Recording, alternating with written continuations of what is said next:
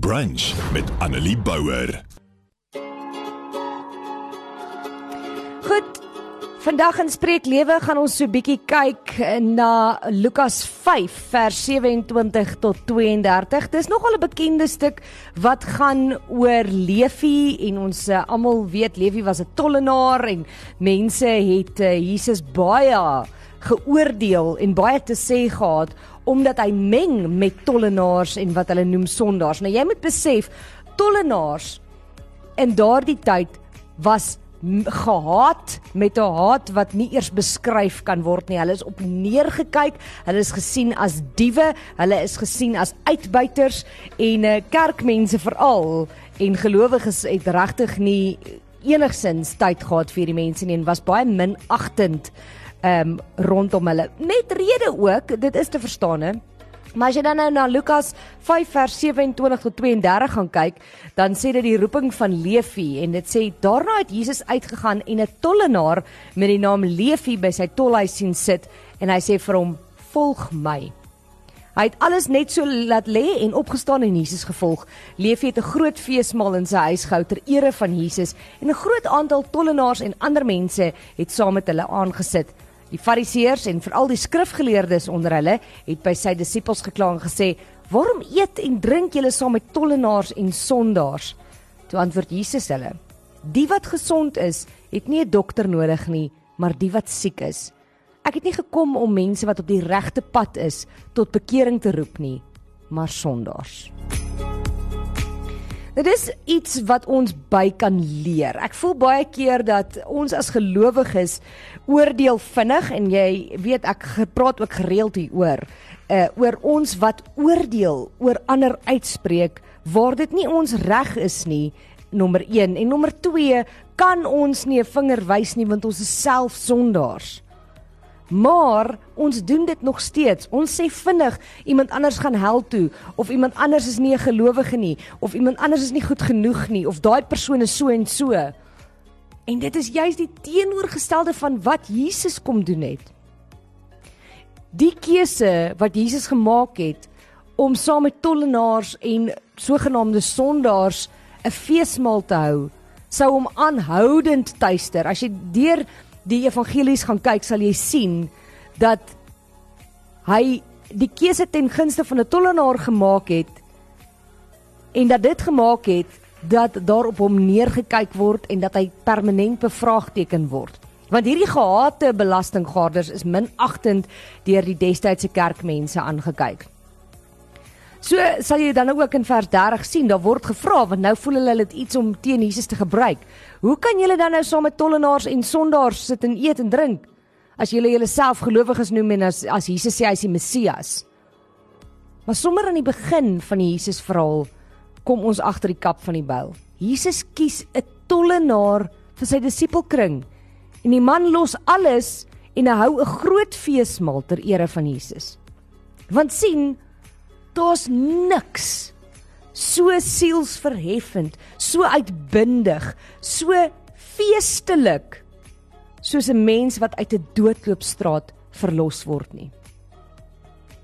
Maar daar's ook niks vir my so hartseer, so donker soos die hartnikkigheid van hulle wat verbete aan hulle vooroordeele vasklou nie en ons almal is bevooroordeel. Dit is waar, maar ons moet daaraan werk. Ons moet daaraan werk om nie 'n maatstaf te hê van mense en te besluit wie is goed genoeg vir Jesus se liefde en wie nie. Jesus se liefde is vir almal, almal, die ongelowiges, die mense wat dit is verskillende tale, verskillende rasse, verskillende kulture, sondaars. Enige iemand en almal is welkom. Dis hoekom Jesus gekom het, juis vir daai mense. En as ons dan sê, soos verlede week, ons het die geloof wat uit die boot uitklim en ons vertrou op Jesus. En ons is sy hande en voete, dan moet ons dit begin wees in hierdie wêreld. Daar's niks so hartseer soos mense wat nie God se liefde, aanvaarding, genade en vrede by Christene kan sien of voel nie. Mense wat so seker is van hulle status in 'n kerk of in die samelewing dat hulle net nooit oplet dat God se maatstaf dalk anders lyk as joune nie. Ons moet pas op om as gelowiges nie te word of of om nie gelowiges te word wat net doen en net meng met mense wat ander goed genoeg ag nie.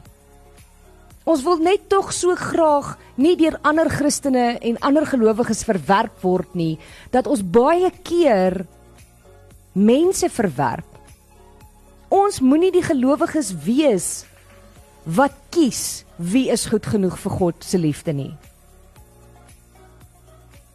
Ons werk is om saam met die swakkes, saam met die ongelowiges, die sondaars, die nie aanvaarbares te eet. Ons werk is om hulle op te lig. Ons is veronderstel om hulle die weg, die waarheid en die lewe te wys. En as ons werklik sê ons is Jesus se hande en voete, is dit wat dit beteken.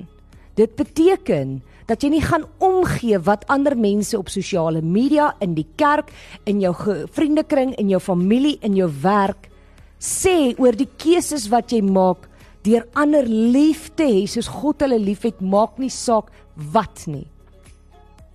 Ander mense se opinies tel nie, net God se opinie tel. Die belangrikheid van ons geloof is juis die kruks van ons geloof is juis dat almal welkom is. Dat niemand beter is as iemand anders nie. En dit is partykeer moeilik om as gelowige te dink dat Jesus ek doen hierdie en hierdie en hierdie en ek spandeer so baie tyd saam met God en ek is in hierdie verhouding met God en iemand anders kry dieselfde voordele maar hulle doen nie so baie werk nie. Maar dis nie wat geloof is nie. Geloof is die voorreg om in 'n verhouding met God te kan staan. Die voorreg om aan jou verhouding met hom te kan werk. Die voorreg nie die reg nie om 'n verskil in hierdie aarde te maak. Die voorreg om te kan sê ek is 'n Christen. Ek glo in Jesus Christus, die seun en die verlosser en die Vader God en aan die Heilige Gees. En ek weet wat 'n voorreg dit is. Nie reg nie dat Jesus aan die kruis gesterf het en daarom kan ek glo en daarom kan ek in 'n verhouding met hom staan en daarom kan ek meng met die swakstes volgens die wêreld dalk die slegstes en vir hulle Jesus se liefde wys. Annelie Bouwer, weekoggend tussen 9 en 12 op Groot FM 90.5.